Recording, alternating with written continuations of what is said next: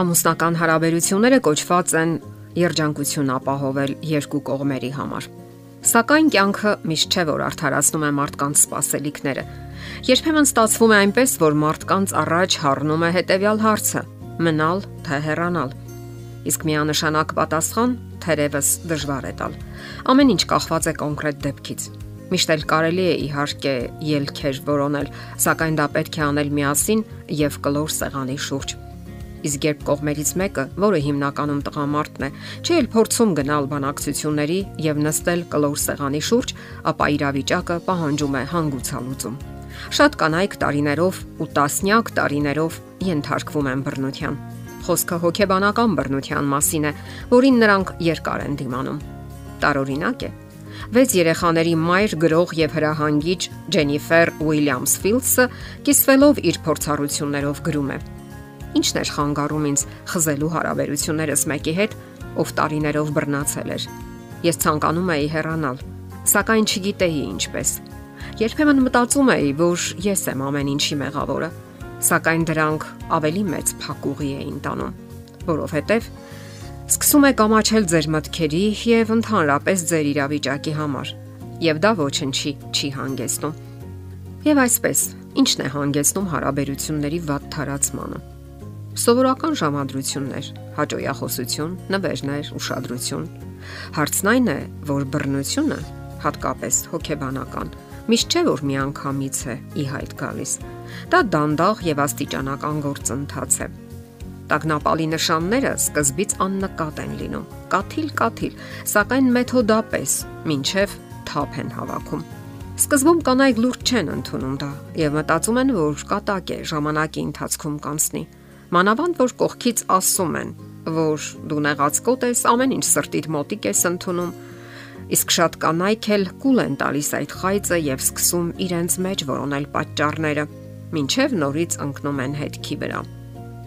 Ընկնում են հետքի վրա, որովհետեւ ակնարկներն ու նուրբ դիտողությունները, քննադատությունները դարձյալ կաթիլ-կաթիլ շարունակում են հոսել ու կուտակվել։ Ամուսինը հաճախ նույնիսկ հյուրերի ներկայությամբ դիտողությունների անում կնոջը, անվայել կատակներ։ Օրինակ, կարող է ասել, որ իրեն դուր չի գալիս կնոջ նոր ընկերուհին։ Այդ պահին գուցե դուք համաձայնում եք եւ մտածում. դե լավ, ի վերջո իմ ամուսինն է, ավելի կարևոր է նրա կարծիքը, քան ընկերուհին, եւ դադարում եք հանդիպել ընկերուհու հետ։ Իսկ այդպիսի մտածումը շարունակվում է տարիներով, ուրիշ առիթներով, ուրիշ դեպքերով կաթիլ-կաթիլ հոսում է եւ վատ թարացնում հարաբերությունները։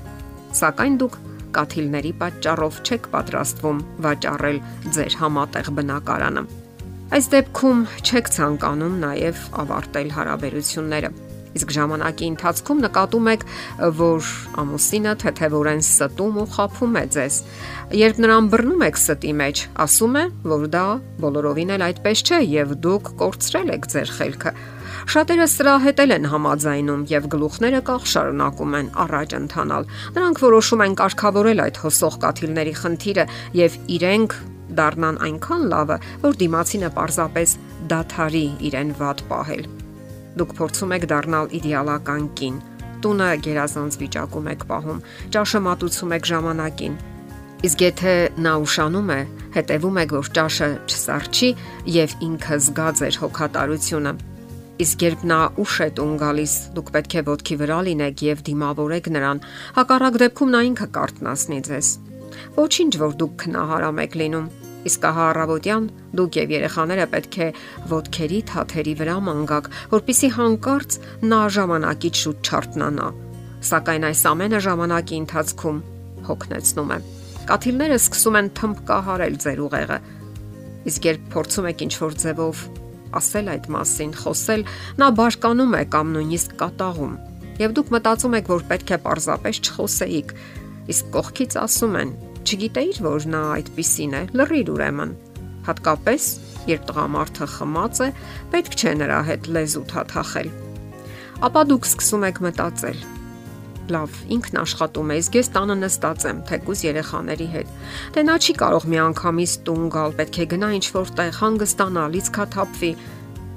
Իսկ որ ինքն էլ կարող է երբեմն հետևել երեխաներին այդ մասին, դուք չեք էլ համարցակվում երազել։ Եվ ահա գալիս է այն պահը, երբ կաթիլ-կաթիլ հոսող ջուրը արդեն թափվում է հատակին։ Այն դուրս է եկել իր սահմաններից, իսկ դուք դեռ շարունակում եք իդեալական կին խաղալ, թոս փչել հասարակության աչքին եւ պահպանել օրինակելի տան ներկայացումը։ Դուք վախենում եք։ Վաղ թե ուշ գալիս է հենց այս պահը, երբ դուք հանկարծակի հայտնաբերում եք, որ պարզապես վախենում եք նրանից, որովհետև չեք համարցակվում խոսել կൂട്ടակված հարցերի մասին։ Իսկ տունն արդեն հեղեղվել է կաթիլ-կաթիլ հոսող ջրից։ Դուք աստիճանաբար հայտնվում եք ջրի տակ եւ խեղդվում։ Եվ վախենում եք, երեխաները նույնպես։ Նման իրավիճակները հազվադեպ չեն ընտանիքներում։ Մենք չենք խոսում այն դեպքերի մասին, երբ ամուսինը կարող է ավելի կոպիտ վարվել, հեռախոս շպրտել, սպասք եւ այլն, կամ ֆիզիկական բռնություն եւ ուժ գործադրել։ Եթե ոչ ձեր հանդեպ, ապա երեխաների հանդեպ։ Ուր գնալ։ Ինչ անել։ Սա շատ կարևոր հարց է։ Հատկապես մեր իրականության մեջ, երբ գոյություն ունի աշխատանքային եւ պարզապես գոյատևման խնդիր։ Սակայն բոլոր դեպքերում դուք պետք է պատրաստ լինեք ինքնուրույն գոյատևման, երբ դիմացինը շահարկում է գումարները եւ կանացի անպաշտպանվածությունը, դա բռնության քաղաքակիրթ եղանակ է։ Ահա թե ինչու աշխատանք ունենալը միշտ էլ անհրաժեշտ է, որpիսի շանտաժի չեն թարգվեք եւ անհրաժեշտության դեպքում ունենաք ձեր միջոցները։ Դե ինչ, կարողացեք ժամանակին փակել ջրի ծորակը։ Այն վաղ թե ուշ կարող է հեղեղի վերածվել եւ կործանել ձեր ողջ կյանքը, եթե արդեն չի կործանել։ Կարող է նաև վատ օրինակ լինել ձեր որդու համար, թե ինչպիսին պետք է լինի իսկական տղամարդը, նաև ձեր դստեր համար, թե որքան թույլ ու անպաշտպան պետք է լինի իսկական կինը։ Եվ խնդիրն այս դեպքում միայն դուք չեք։ Եթերում ընտանիք հաղորդաշարներ։ Ձեզ հետ է գեղեցիկ Մարտիրոսյանը։